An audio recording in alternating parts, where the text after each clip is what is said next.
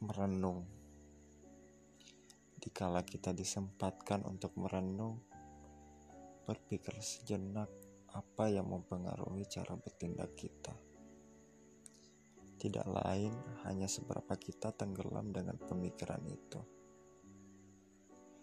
Terbentuk menjadi pikiran seperti saat ini, yaitu seberapa dalamnya kita tenggelam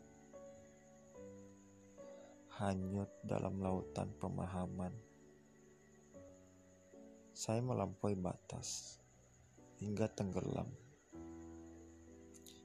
Seberapa hebatnya kemampuan saya, raga ini akan terhisap jauh lebih dalam.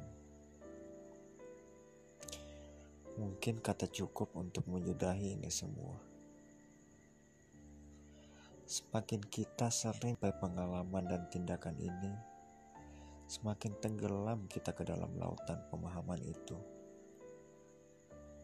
Belum ada bekal untuk mengelilingi semua ini, atau mungkin tak bakal ada. Pemikiran kita selalu melahirkan kecenderungan satu paham, hingga kita menyadarinya atau tak menyadarinya. Saat ini pun kita begitu tersadar bahwa kita mulai tenggelam di dalam pemahaman tenggelam itu sendiri. Menyadarkan pikiran kita mulai ekstrim akan paham tenggelam ini. Dan hanya dari tulisan ini, saya mampu berteriak, cukup.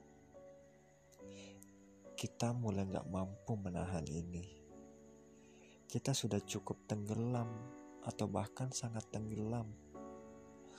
Air yang tak bisa dibendung itu bakal menenggelamkan diri ini hingga kehabisan nafas. Memaksakannya bakal membuat diri ini akan mati bersama yang dibangunnya. Kita harus berteriak, "Tolong, tolong ke orang lain." agar bisa diselamatkan dan diangkut ke tempat yang lebih aman.